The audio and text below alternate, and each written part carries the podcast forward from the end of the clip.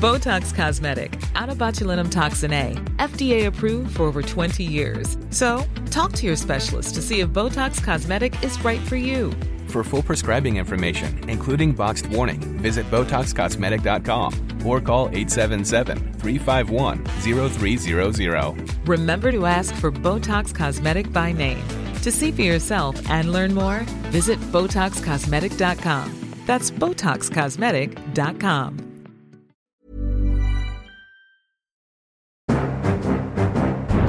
Bra.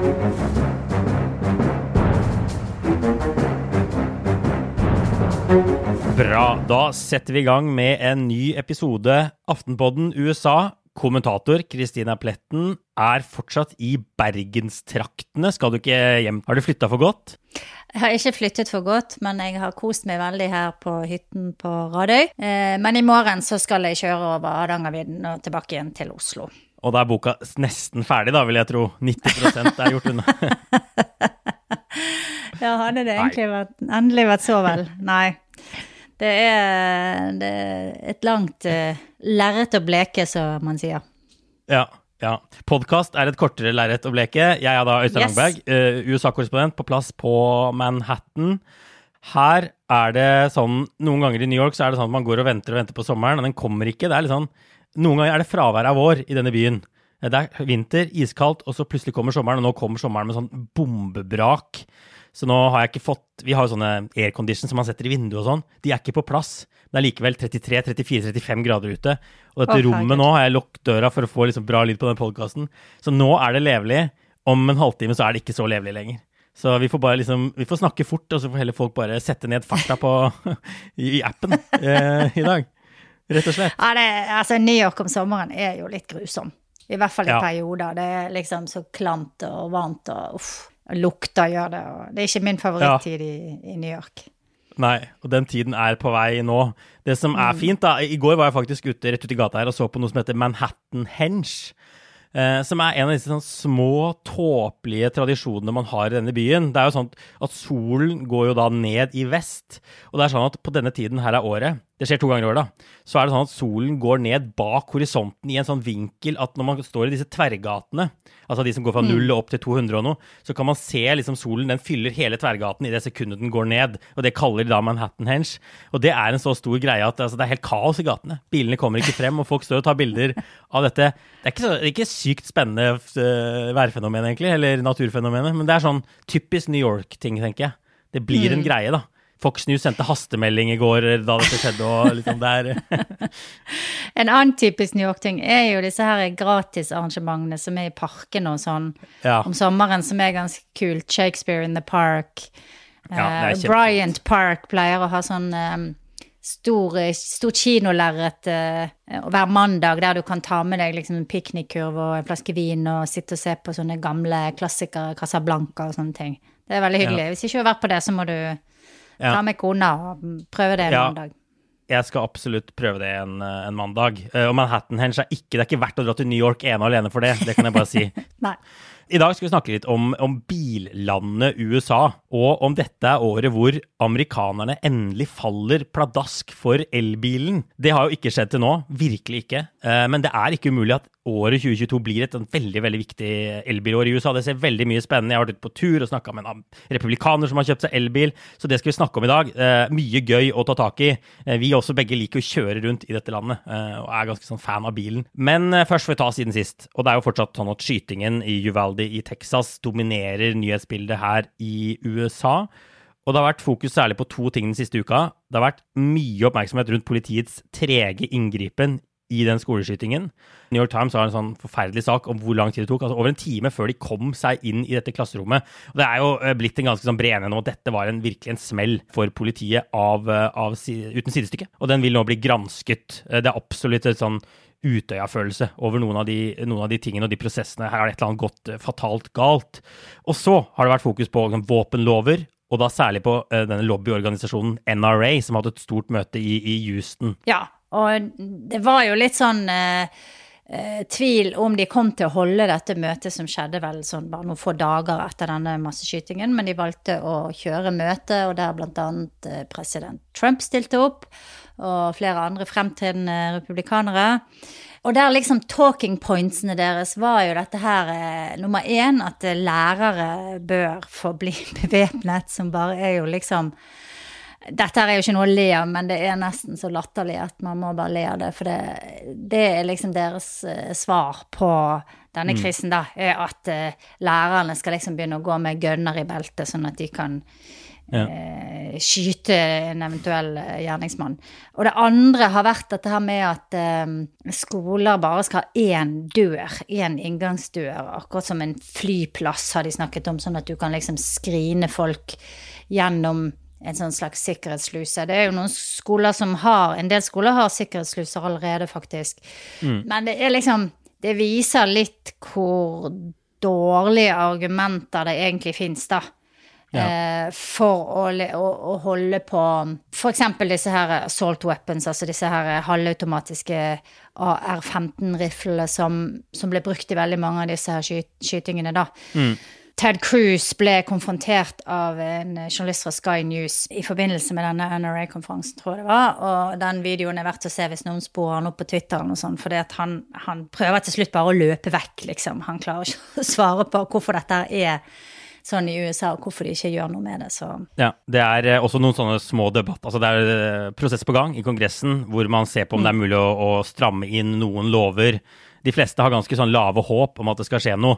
Og det kommer i hvert fall ikke til å skje noe substansielt. Det kan hende de kommer til å skru på noen sånn de kaller dem, snakket om red flag laws, hvor man kan på en måte flagge folk som er i risikosonen, og ta fra de våpnene og sånn. Det kan bli noe sånt, mm. men det er snakk om å gjøre det på delstatsnivå, og det er ikke sikkert de blir enige om det engang.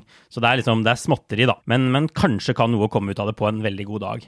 Vi får også bare si, Det har vært litt oppmerksomhet rundt en sånn granskningsrapport som har knyttet til disse sørstatsbaptistene, som er det største evangelisk kristne kirkesamfunnet i USA. Og den rapporten, altså uavhengig, viser at uh, denne kirken har tiet i hjel meldinger, rapporter om seksuelle overgrep i flere tiår. Fra bl.a.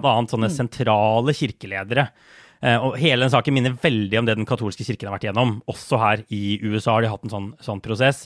Uh, selvfølgelig veldig veldig dårlig PR for kirken. Gjenstår å se om de kommer til å ta dette på alvor, hva de kommer til å gjøre med det. Men dette er jo allerede, eh, som vi har snakket om før, kirken, kirken, i USA, de protestantiske kirkene, opplever allerede medlemsflukt. Eh, og det er jo helt sikkert ikke noe som kommer til å gjøre lettere å trekke folk inn i kirken igjen, eh, dette her. Mm. Og så er det jo da eh, snart duket for Eh, offentlige høringer om 6.1 i Kongressen. Det begynner neste uke og blir veldig spennende. Eh, de har jo kalt inn eh, en rekke republikanere, republikanske kongressmenn. Det er vel bare menn, tror jeg. Og flere av de inkluderte minoritetslederen i Representantenes hus, Kevin McCarthy, har mm. rett og slett nektet å stille og brukt litt forskjellige argumentasjoner for hvorfor de ikke kommer til å stille, da. Eh, men det gjør jo også at dette her, i tillegg til å være en slags sånn eh, demokratikrise, blir også en konstitusjonell krise på den måten at når de folkevalgte nekter å forholde seg til det som er liksom, grunnrammene i lovverket, så blir det, blir det veldig komplisert. Mm. Så det, det, blir spennende å se hva utfallet dette her blir. Ja. Det blir en litt annen oppmerksomhet rundt det når de går i gang med TV-sendte høringer. Mm. Da får vi også kanskje ta og lage en egen episode om det når vi ser litt hvordan det utspiller seg. Det blir jo liksom Eh, det er også et viktig PR-grep av de som driver og gransker, for å få liksom mer blest rundt hele denne høringen. Som til nå har foregått blant bak lukkede dører, og så har det vært lekket ut detaljer av hva folk har sagt. Eh, og det er en litt annen dynamikk. Men du, la oss bare gå i gang med dagens hovedtema, da. USA, biler og elektriske biler. Uh, og jeg har egentlig lyst til at vi skal starte med den store uh, myten, store fortellingen om USA, som jo er ikke sant, amerikanere. De, de, er opptatt av frihet og av uavhengighet, og bilen har blitt symbolet på det. De elsker bilen sin, de kjører ekstremt mye. Mm. Og den korte versjonen er jo at den myten der stemmer på en prikk. Uh, altså Hvis man ser på tall, så har USA flere biler per innbyggere enn noe annet stort land i Europa, i hvert fall. De kjører veldig langt. Mye mer enn europeere. Det er færre som sykler til jobb, ikke sant. Det preger rett og slett hele samfunnet. Altså bilen. Og vi har jo vært reist mye rundt i USA, og det er jo sånn at det også Altså vi merker jo den forskjellen når vi er her versus i Europa, f.eks hvor mye som er bygget rundt bilen. Ja, altså store deler av USA er jo bygget rundt bilen. Eh, det, og, og, hvis du tenker eh, spesielt i etterkrigsårene, da, så var jo det rasjonering på biler i Norge, f.eks. Du måtte søke og stå på la, i lang venteliste for å få kjøpe bil, og det var ikke alle som fikk det. Mm. Mens i USA så fikk jo veldig mange eh, skaffet seg bil etter krigen. Og det gjorde også at man kunne bygge opp disse her suburbia-delene, altså forstedene, eh, som mm. igjen gjorde at middelklassefamilier fikk råd til eh, enebolig, fikk et bedre liv. Så bilen ble på en måte eh, en slags sånn billett til velstand og et bedre familieliv for veldig mange amerikanere.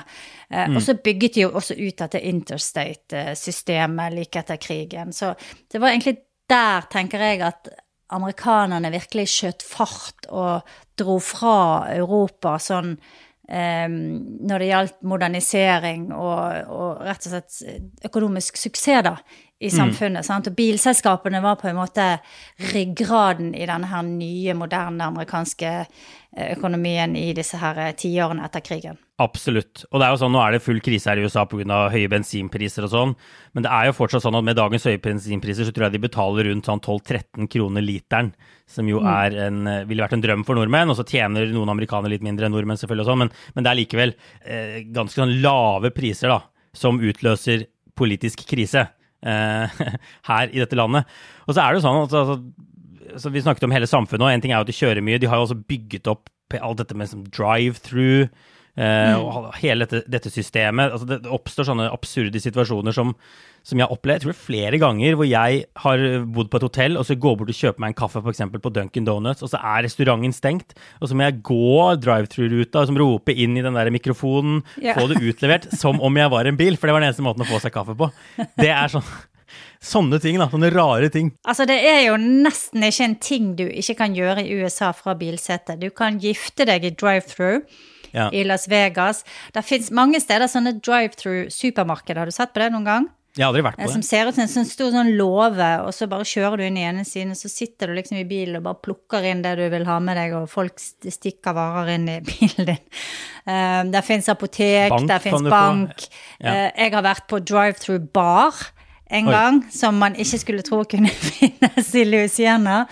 Eh, men eh, hvor, egentlig Hvor du må bare passe på din egen alkogrense, da? Eh, eller, ja, eller altså, var det alkoholfrie drinker? Nei, de var stappfulle av alkohol. Vi, altså, vi kjøpte jo var, Jeg var faktisk på jobb, så eh, vi kjøpte ikke alkohol og kjørte av gårde. Men det var sånn at så lenge du hadde en lukket container, altså lukket, eh, et lukket glass, glass med lokk, mm og så et sugerør med liksom papiret oppå, da. Så ja. vil det regnes som en sånn closed container, og da, kun, da, da, kan du liksom få hva som helst. Så det var, det var eh, rasjonalet for at eh, de kunne operere. Og, det, og, vi snakket med en dame som kjøpte en sånn drink med tror jeg, syv forskjellige typer sprit i. Så hun, hun, gikk innom der og tok seg en sånn hver dag på vei hjem fra jobb, sa hun. Ja. og var veldig overrasket over at det ikke fantes drive-through-barer i Norge. Sjokkerende. Sjokkerende. Sjokkerende, ja. ja. Og det er jo hele dette med kollektivtransport. ikke sant?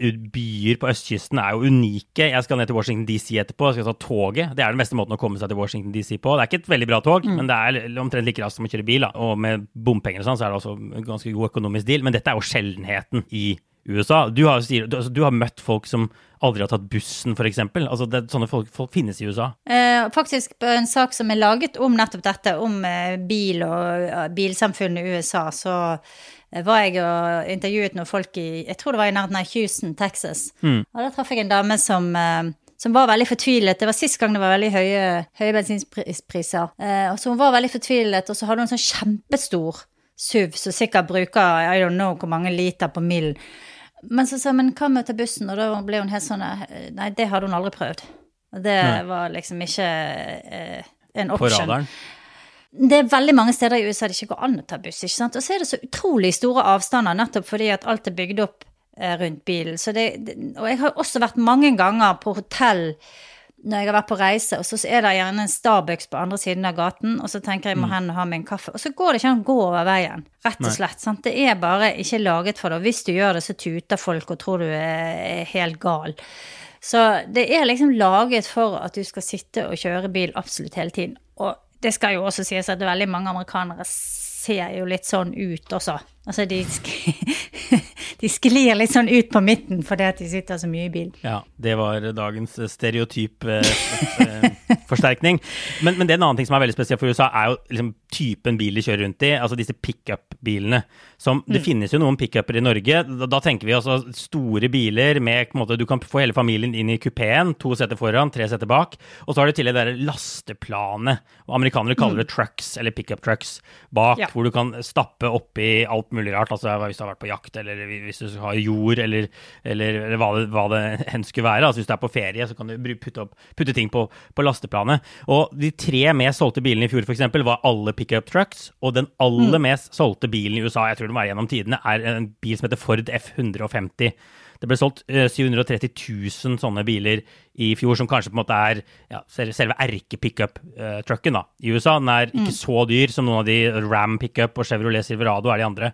Uh, som er overkommelig da, for en god del amerikanere. Og de elsker jo disse bilene, selv om de ikke bor på en bondegård, for å si det sånn. Ja, for det er jo ikke alle, eller flertallet engang, av de som har pickup truck som bor på en bondegård. Men uh, men de bruker de. Liksom, de drar og handler uh, i store kvanta og slenger både det ene og det andre opp i, i trucken, da. Mm. Uh, og så har de jo de der uh, Har du vært på sånn tailgate noen gang? Ja, altså, jeg, jeg, jeg, det er jo noe de ofte gjør med disse bilene ja. når de er på sånne sosiale sammenkomster mm. og sånn, og sitte bak på disse, eller ja, ja bruke de ja, sånn altså, sosial... Men også eh, utenfor fotballkamp, f.eks. sånne amerikanske fotballkamper. Ja. Utenfor stadion så, så, er det steder der du kan parkere trucken din, og så slår du ned, og så griller du liksom bakpå eh, lasteplanet. Og så mm. ser du fotballkampen på storskjerm utenfor, og så er det liksom en egen liten sånn bilfest, så du trenger liksom aldri forlate bilen, men du kan litt være til stede, da. Eh, det er veldig mye sånne rare ting som er veldig sånn sært og spesielt for USA. Ja. Den siste rare tingen jeg har tenkt en del på når jeg er ute og kjører, er liksom mangelen på Dette er jo øh, ja, litt annet, men mangelen på rundkjøringer. Det finnes nesten ikke rundkjøringer i det landet her. Og så er det steder hvor de har begynt å bygge flere rundkjøringer. For jeg må si jeg er blitt veldig Jeg savner rundkjøringene av og til. Jeg er så lei av å stå på sånne røde kryss. Eh, og vente når det ikke er en eneste bil i, i feltet. Og det er fa altså, tryggere med rundkjøringer ofte òg. Det, det, er veldig mye sånne situasjoner. Si da, mange dør i trafikken mm. i USA også, også når man mm. justerer for at de kjører mye lenger enn europeere. Det er mye farligere med disse T-kryssene også. Men det har de liksom ja. aldri, aldri, slått an. Og ofte når jeg kommer til en rundkjøring da plutselig, in the middle of nowhere, så er det stor forvirring om hvem, hvor du har vikeplikt og ut og inn, og folk stopper midt i rundkjøringa og sånn. Så det er sånn, det er sånn ja, ja. rar ting, og det har de bare tatt i bruk. Nesten. Nei, det er et par steder som jeg tror det har liksom vært noen sånne rundkjøringsmisjonærer. Men eh, stort sett så, bruker de det ikke. Men det er mange steder der du kan svinge til høyre på rødt lys. Til gjengjeld. Det er det. Det er til gjengjeld. Og det er vel bare New York og liksom, få andre byer, New York City, hvor du ikke kan ta til høyre eh, ja. på, på, rødt lys. Så det gjør jo trafikkavviklingen litt, eh, litt enklere. Say hello to a new era of mental health care. Cerebral is here to help you achieve your mental wellness goals with professional therapy and medication management support. 100% online. You'll experience the all new Cerebral Way, an innovative approach to mental wellness designed around you. You'll get a personalized treatment plan from a therapist, prescriber, or both in a safe and judgment free space. Your cerebral therapist or prescriber will outline a customized plan with clear milestones along the way so you can get to feeling your best. With Cerebral, you're not alone in your mental health journey. We're here to empower you to live a fulfilling life. So take that first step towards a brighter future and sign up today at cerebral.com slash podcast and use code ACasts to get 15% off your first month. Offer only valid on monthly plans. Other exclusions may apply. Offer ends July 31st, 2024. See site for details. Botox Cosmetic, out of botulinum toxin A, FDA approved for over 20 years. So talk to your specialist to see if Botox Cosmetic is right for you. For full prescribing information, including boxed warning, visit BotoxCosmetic.com or call 877-351-0300. Remember to ask for Botox Cosmetic by name.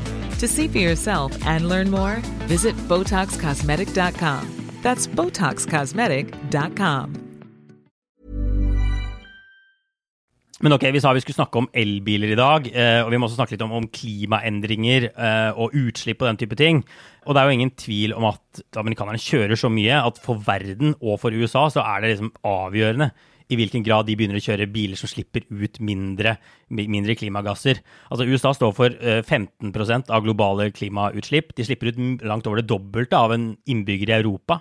Og, og, og transport, jeg tror transport er en tredjedel av USAs klimautslipp eller noe. Dette er jo liksom en stor og viktig sektor. Det er jo derfor mange fokuserer på elbiler og USA. Men USA bare har vært, amerikanerne har vært ekstremt trege til å ta i bruk elbiler. Én ting er Norge. Norge er på, på verdenstoppen i rask elbil, og vi har brukt mye penger, mye skattepenger på det òg. Men også mange land i Europa ligger langt foran USA når det gjelder liksom elbilsalg. Eh, så vi kan kanskje snakke litt om altså, hvorfor det har vært sånn først. Det er jo ingen tvil om at overgangen til elbil har vært mer politisert i USA enn i Norge da, og i mange europeiske land. Også dyp klimaskepsis ikke sant, som det er koblet med. Så folk ser i hvert fall ikke det miljøargumentet særlig tydelig. Nei, altså USA har jo hatt denne her klimaskepsisen hele tiden. Så kom jo hybridbilene tidlig i USA, eh, Toyota Prius og den typen. Og, og det ble solgt en del av de, men de slo vel aldri sånn helt igjen. Det var liksom sånn i Hollywood og noen andre steder at de brukte hybridbiler da. Men jeg tror at det er flere grunner til at USA har vært en, en sinke eh, med mm. å konvertere til elbil. Eh, for det første, som vi har snakket om, det er eh, kultur. ikke sant? Det å, å ha en litt sånn bråkete, stor bil som bruker mye bensin, har vært viktig for mange amerikanere. De har også motstått og liksom få litt mindre og mer eh, praktiske biler, da. De vil heller ikke ha ikke sant, sånne små biler som eh, italienerne og franskmennene kjører rundt i. De har jo bare fått større og større og større biler. ja, pickupene har jo vokst i størrelse og høyde og lengde, ja, og, og, det er det mange og som har Og SUV-ene, ikke sant, ja. som er sånn helt eh, Som selger veldig mye, og som er kjempesvære og tunge. Og så eh, har du industrien, som har vært treig med å omstille seg, de har eh, strittet imot de store bilselskapene i Detroit. Mm. Eh, så det er jo eh, på en måte utfordrere som Tesla, som har vokst opp andre steder i USA, som, som, har, som har, forsøkt å endre dette her, da. Det forandrer seg jo nå, men det har tatt veldig lang tid før industrien har vært villig til å gjøre noe. Og så ja. har du et kjempestort økosystem rundt biler, som alt fra bensinstasjonen kjeder, til alle leverandørene, alle som driver vedlikehold og service. Alt det mm. der er en diger del av amerikansk økonomi. Og det gjør nok også at det har vært vanskeligere kanskje å snu enn det har vært i veldig mange eh, europeiske land spesielt, da. Så ja. jeg tror at det, det er liksom mange ting som må falle på plass, men nå kommer jo signalene fra disse her store gigantene, og spesielt Ford, mm. veldig tydelig om at nå er, er, det noe på gang. Ja, det tror jeg òg. Det er absolutt sånn at 2022 ser ut til å bli et veldig spennende år. Det skjer store ting nå. Og det har jo vært sånn at California har ligget langt fremme lenge, og der har jo også politikerne brukt eh, skatt, eh, subsidier, altså laget ordninger som ligner mer på de vi har i Europa, eh, altså for å gjøre elbiler eh, kostnadseffektive. da. Det har vært mangelvare andre steder i USA. Men som sagt, altså, skjer eh, veldig, veldig, mye spennende i år. Vi kan, kan jo bare si det sånn, altså, I første kvartal i år så var det sånn at eh, 4,6% av bilene som ble solgt i USA, var helelektriske biler. Og det er jo da liksom dårligere. I Kina var det 15% Det er tall fra PwC. da. Eh, omtrent samme i Storbritannia. Sverige var det 28% og så var det 83% av bilene i Norge som var helelektriske, ifølge, ifølge disse tallene. Men vi får også si at USA vokser veldig raskt fra ekstremt lave nivåer. 5 høres kanskje lite ut, men det er en dobling på et år i antall solgte helelektriske eh, biler. Og det som gjør at 2022 får så mye oppmerksomhet, er at de første vi snakket om pickuper, nå kommer de første elpickupene på veiene. Og det vil jo da appellere til et helt annet segment enn det Tesla har gjort, eh, og det liksom mindre europeiske biltypene har gjort frem til nå. Så det er derfor vi vil snakke om det i dag også, for det skjer uh, spennende ting. Altså Man ser disse elpickupene ute på veien. Altså Jeg så en her i New York for litt siden. Ja, og så har jo du, Øystein, faktisk vært på tur, og har du prøvd en elpickup, eller har du vært passasjer, eller du sitter på lasteplanet? Ja, Hva har ja. skjedd? Ne, jeg nesten, nesten prøvd. Jeg, jeg, jeg, satt faktisk bare på, men jeg var nede i, i Virginia nylig uh, ja. og besøkte en fyr som heter Jeff, som har sånn sykt fin gård som ligger helt ved, ved foten av uh, Shenandoah National Park. Og han har kjøpt seg en bil av et bilmerke som heter Rivian, som egentlig er en sånn det er ikke en kopi av Tesla, men det er inspirert av Tesla. Men de gikk for å lage da istedenfor sånne mindre biler, så lager de svære pickup-biler, eh, elektriske, i litt mer sånn luksussegmentet, da. Og det som er gøy med han Jeff, er at han er liksom republikaner på sin hals. Han fortalte at han for noen år siden kjørte en Tesla og, og bare elsket følelsen den, en sånn elbil som det ga han. Han sa han hadde aldri trodd at en bil kunne kjennes uh, sånn som den gjorde i den Teslaen. Men så har han samtidig tre barn, uh, kone, de har tre-fire biler fra før, den familien. Og han driver med jakt, fiske. Uh, han drar rundt på sånne enorme båter, svære tilhengere, sånn som en del amerikanere gjør. da. Så han sier at han kunne aldri hatt en Tesla selv, den ville vært altfor liten for han. så derfor har han ventet på denne Rivianen, og for noen uker så fikk han da en av USAs første elpickuper levert hjem på døra. og han, han sa det var liksom som å ha bursdag var en veldig stor dag. Og han, han var, vi var ute på veien og kjørte, og han, viste, han ville gjerne vise meg hvor fort den gikk fra 0 til 100, f.eks. Han likte å kjøre opp ved sine andre biler og så bare gasse på noe helt sånn sykt uten at bilen lagde noe lyd. Og så han sa folk var helt sånn fascinert. Så nå har han på en måte blitt en slags, slags sånn helt i lokalmiljøet. Alle stopper han, alle lurer på hva slags bil dette er. Ja. Hvis du har en pickup, så ser du at denne pickupen, noe sånt har vi aldri sett før. Mm. Sånn som den han har, da. Så han, eh, han, har blitt en god ambassadør for den type bil også. Og veldig annen type elbileier da, enn USA har hatt før. Og denne mannen dukker vel snart opp i Aftenpostens spalter også? Ja, vi får spare litt av det, da, men, men det var um, interessant å se. Og han sier, ikke sant, miljø Han tror ikke noe på miljøaspektet i det hele tatt. Nei. Det var ikke noe avgjørende for at han kjøpte denne bilen, det var at den var stor nok, mm. at den var kul og sykt eh, digg å kjøre. Mm. Og han mener jo at det er sånn de burde solgt elbiler hele veien for å nå bredere ut til sånne folk som han, da. For det har liksom ikke kommet fram, mener han, hvor bra biler dette er som bil. Ja. Og det er jo liksom den triste sannheten, egentlig, da, også i Norge, at uh, det var først når Teslaen kom og det ble kult med elbil, at det virkelig begynte å skje endringer, ikke sant. Så ja. Pluss nå er jo Elon Musk blitt republikaner og blitt en slags sånn der helt for sånne anti-woke uh, mannfolk, så kanskje det vil også bidra til at, at amerikanske menn plutselig begynner å kjøre rundt i sånne el-pickuper, da. Og, og så kommer jo den store eh, virkelig store, liksom eh, Mastodonten eh, Ford kommer mm. jo nå med en ny pickup som alle venter på, og som mange mener vil bli det endelige tipping point for amerikansk bruk av elbilder. Ja, for, for Rivian er dyr. Han, jeg tror Jeff betalte 83 000 dollar for sin, jeg eh, som jo altså mm. nærmere 800 000 kroner. Mens, mens Ford F150 Lightning, som er, eh, er elbilversjonen av denne bestselgerbilen de har hatt i så mange år, den skal koste mm. fra 40 000 dollar oppover, altså under 400 000 kroner og oppover. Så de mener det fremstilles som en, en absolutt sånn game changer. Og det er interessant å se hvordan Ford liksom selger den bilen også. Det var jo Superbowl i år, f.eks., var jo full av elbilreklamer, som var fascinerende å se. Men blant annet så, så, har jeg sett noen reklamer hvor de sier sånn du kan bruke bilen som batteri til å gi huset strøm når nettet kneler. Litt sånn selvbergingsaspekt. Og jeg har også sett mm. andre som, har, som, står i kø for å kjøpe den bilen, som sier liksom de kan, de kan bruke strømmen på sånne, på sånne, fester som du snakker om, hvor de bak, ja. Altså, hvor de sitter bak på, bak på lasteplanet. Så kan du fyre opp den boomblasteren. Du kan ha strøm kan, i timevis i timevis, som du kanskje ikke mm. kunne i like stor grad med et vanlig bilbatteri. Da. De prøver å selge, de selger det inn på en helt uh, annen måte enn man kanskje har solgt inn elbil på før. Det skrives i hvert fall i en del artikler. Også de Superbowl-reklamene var preget av måte, kjendiser og sports, litt sånn sportsbiler, og, og mindre Birkenstocks da, eh, og Sørlatte. Ja kanskje. Altså, kanskje er det litt sånn der eh, skjebnens ironi, hvis det er det rette uttrykket. Eh, hvis det er Ford som til slutt blir de som på en måte sparker elbilrevolusjonen ordentlig i gang i USA, da. Ja. Det opprinnelige bilselskapet i USA. Eh, de er jo nå i gang med en stor omstillingsprosess mm. eh, som de kaller for Ford Pluss. Eh, de har splittet selskapet i to, så det skal være liksom elbilsatsing i én del av selskapet, også det som de kaller for legacy brands, som er de gamle, gode Fordene i det andre selskapet.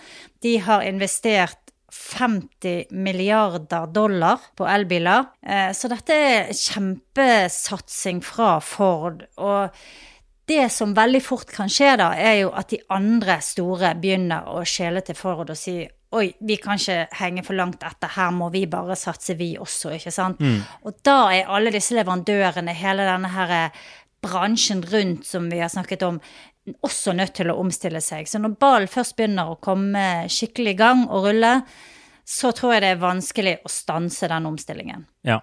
Jeg, er enig. Det blir, det blir, sykt interessant å se. Og, og, sånn som ting er nå, så, er det, så, har Ford veldig veldig mange folk som har reservert den F150 Lightning, altså elbilversjonen av F150. Så akkurat nå så ser det ut som det er liksom produksjonen, det å produsere nok, som er den store flaskehalsen, snarere enn etterspørselen. Etterspørselen ser ut til å være der.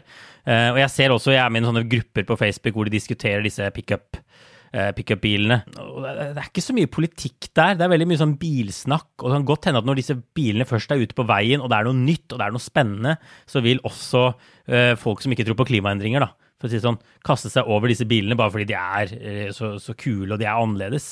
Eh, og det blir det, mm. kanskje det nye statussymbolet, da. Sånn som de pickupene jo i stor grad har blitt, som vi snakket om. Selv om du ikke er i bondegård, så har du en pickup. Ja, og så er det jo noe med at de folkene som bor i de områdene i det rurale USA som trenger bilen mest, og som er helt avhengig av den, er jo også de som er mest sårbare for eh, variasjon i bensinpris. Mm. De har ofte ikke noe kollektivtransport å snakke om, de må ha bil. Og hvis man da kan ha solceller på taket eller en vindmølle, og, som, som, en del bønder f.eks. Mm. Amerikanske farmers har jo vindmøller på, på landjorden sin innimellom avlingene, liksom. Sånn at de kan få litt ekstrainntekter fra det. Eh, så hvis du kan ha en eller annen form for fornybar energi, knytte det til en elbil, så kan du plutselig spare tusenvis mm. på tusenvis av dollar i året. For de bruker så mye penger på drivstoff og på bil. Mm. Så det er klart at eh, for veldig mange så vil jo dette, etter hvert som disse bilene blir billigere, også være eh, fristende økonomisk, da. Ja. Og det, det, sa Jeff. Han har sagt at den dyreste bilen han noen gang har kjøpt seg, da 800 000 kroner. Men å, å, fylle den nå, sånn som strømprisen er i USA eh, versus gass, altså bensinprisen, er det ingen tvil om at den er billigere i drift. Og så er det eh, mm. ikke oljeskift og disse verkstedkostnadene. Nå har han jo gutsa på et helt nytt bilmerke, da, men, men, han regner med at også de utgiftene med å ha bilen er, er, lavere. Så det kan nok også være noe som appellerer til folk, pengeaspektet. For det har vi, sa vi jo tidligere, de er veldig opptatt av bensinprisen her. Eh, og den har veldig mye å si for veldig mange familier, fordi de kjører så mye, selv om prisen er lavere enn enn i Norge. Og så må jeg bare si da, altså Jeff har et poeng med det der, altså miljøaspektet. Den debatten er litt annerledes i USA enn i Norge fordi veldig mye av USAs energi ikke er fornybar. Norge har veldig mye vannkraft. Mm. Eh, jeg lagde jo en sak for litt siden. De har jo var det åtte havvindmøller i USA eller noe, ikke sant? mot 5000 i Europa. Så de har en vei å gå på fornybar energi. Så i Virginia mente han at mye kom fra kull. Det er jo en del stater hvor det er sånn. Og da er jo dette miljøregnskapet litt annerledes. Men det å få folk på, over til elbiler er jo i hvert fall første steg på veien. Og så må de også ta strømproduksjonen og sånn etter hvert. Og det skjer ting. Det skjer absolutt ting. Det er jo store ting på gang med vindmøller både på land og til havs i USA.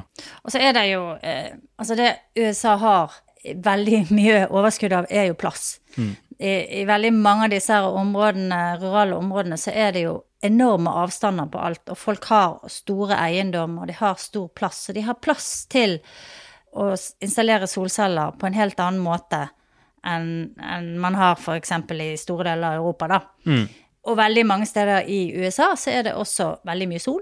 Mm. Så det er klart at eh, her er et potensial for en eh, ny amerikansk bilrevolusjon mm. og energirevolusjon hvis de bare har vilje, har penger, investeringer og liksom infrastrukturen til å få det på plass. Og det ser jo nå ut som at det lirker seg mm. mot noe der, da. Ja. Og så må vi jo kanskje òg legge til å nevne at Biden-administrasjonen eller regjeringen heter det, Biden-regjeringen, satser eh, masse på å bygge ut ladestasjoner. Mm. Og har det som en del av eh, infrastruktursatsingen sin. Ja, Absolutt, for det er jo et av, et, en av de stedene skoen virkelig trykker nå. USAs ladenettverk er ja. stusslige greier per dags dato. Jeg tror det er ganske komplisert å kjøre elbil rundt det landet her. Jeg har ikke forsøkt på bygda, i hvert fall. Det er i så fall en egen sånn, uh, artikkel i seg selv uh, å gjøre det. Men ja, Biden satser, og det virker som selskapene med, all det, med de reklamebudsjettene, og det virker som denne satsingen er ekte, da når man, når man, ser på det. Det virker ikke som det bare er for, for, å gjøre Biden og noen politikere i Washington fornøyd for, for å få penger og sånn. Uh, og det er heller ikke en trend det bare er å reversere. Når, når, bilselskapene først satser på el og vil ha dette Noe av problemet har jo vært at du har en demokratisk president som satser, og så kommer Trump og reverserer en del krav til biler og sånn. Men, men, når du har med deg hele, hele Detroit, eller hele bil, uh, bilbransjen, i hvert fall de som produserer bilene, så, så, blir det et annet trykk på det. Da er det ikke så lett å gjøre noe og, og, og snu det tilbake. Og vi ser også masse fabrikker bygges i republikanske stater. Rivian skal bygge en svær fabrikk i Georgia, f.eks som jo har en i hvert fall mm. republikansk guvernør, som vi snakket om i forrige episode. Ja, og så vil det begynne å etablere seg eh, leverandørbusinesser som lager mm. batterier eller andre komponenter til disse bilene. Så vil det bli dyrere eh, å kjøpe til, til tradisjonelle bensin- og dieselbiler fordi at det er færre som gjør det. Så dette her er en eh, en snøball som ruller. Veldig spennende. Vi får håpe at vi kanskje i løpet av året kan få testa en elpickup. Det hadde jo vært veldig veldig gøy. Å få kjørt en ja. Ford F150 Lightning. Eller noen av de andre. Kanskje Tesla kommer med sin Cybertruck. Den, eh, den lar vel vente den på seg. Den er så stygg. Den er jo så stygg. Ja. Det er jo ingen som kommer til å kjøpe den. Å jo, folk kommer til å kjøpe den. Musk sin truck. Vi får se, vi får se. Det, ja. Men du, kanskje vi skal gå over til en liten runde med obligatorisk refleksjon til slutt. Kristina, hva har du tenkt på siden forrige uke? Du, siden forrige uke så har jeg sett litt på AOC, altså Alexandria Ocasio-Cortez eh, sine sånne videosnutter på Facebook og Instagram. Hun, har, eh, hun legger ut ofte sånn Ask me anything, og da folk kan sende inn spørsmål, og det kan være alt fra liksom Går det med høyhalset genser til hvordan fungerer det og det i Washington? Og så svarer hun eh, eh ganske sånn eh, godt, vil jeg si, på det. Og jeg er bare sånn jeg er så utrolig imponert over måten hun bruker eh, sosiale medier som politiker, og også for å gi et innblikk i sin hverdag som kongresskvinne, og eh, hva, hun, hva utfordringer hun har. Og det er noe med måten hun klarer dette her på, som gjør at jeg tenker at eh, hun kommer ikke til å ende opp med å bare være kongresskvinne. Hun kommer til å eh, stile høyere, tror jeg, da etter hvert. Og kanskje ikke det er så veldig lenge til. Jeg syns også jeg ser Hun har ikke sittet så veldig lenge, bare noen få år. Eh, men jeg syns allerede at jeg ser en veldig endring i måten hun også kommuniserer på. Hun er eh, liksom mer voksen, hadde jeg nær sagt tydeligere og kanskje litt mindre spissere. Altså hun, hun er litt mer sånn moderat i måten hun, eh, hun formulerer seg på.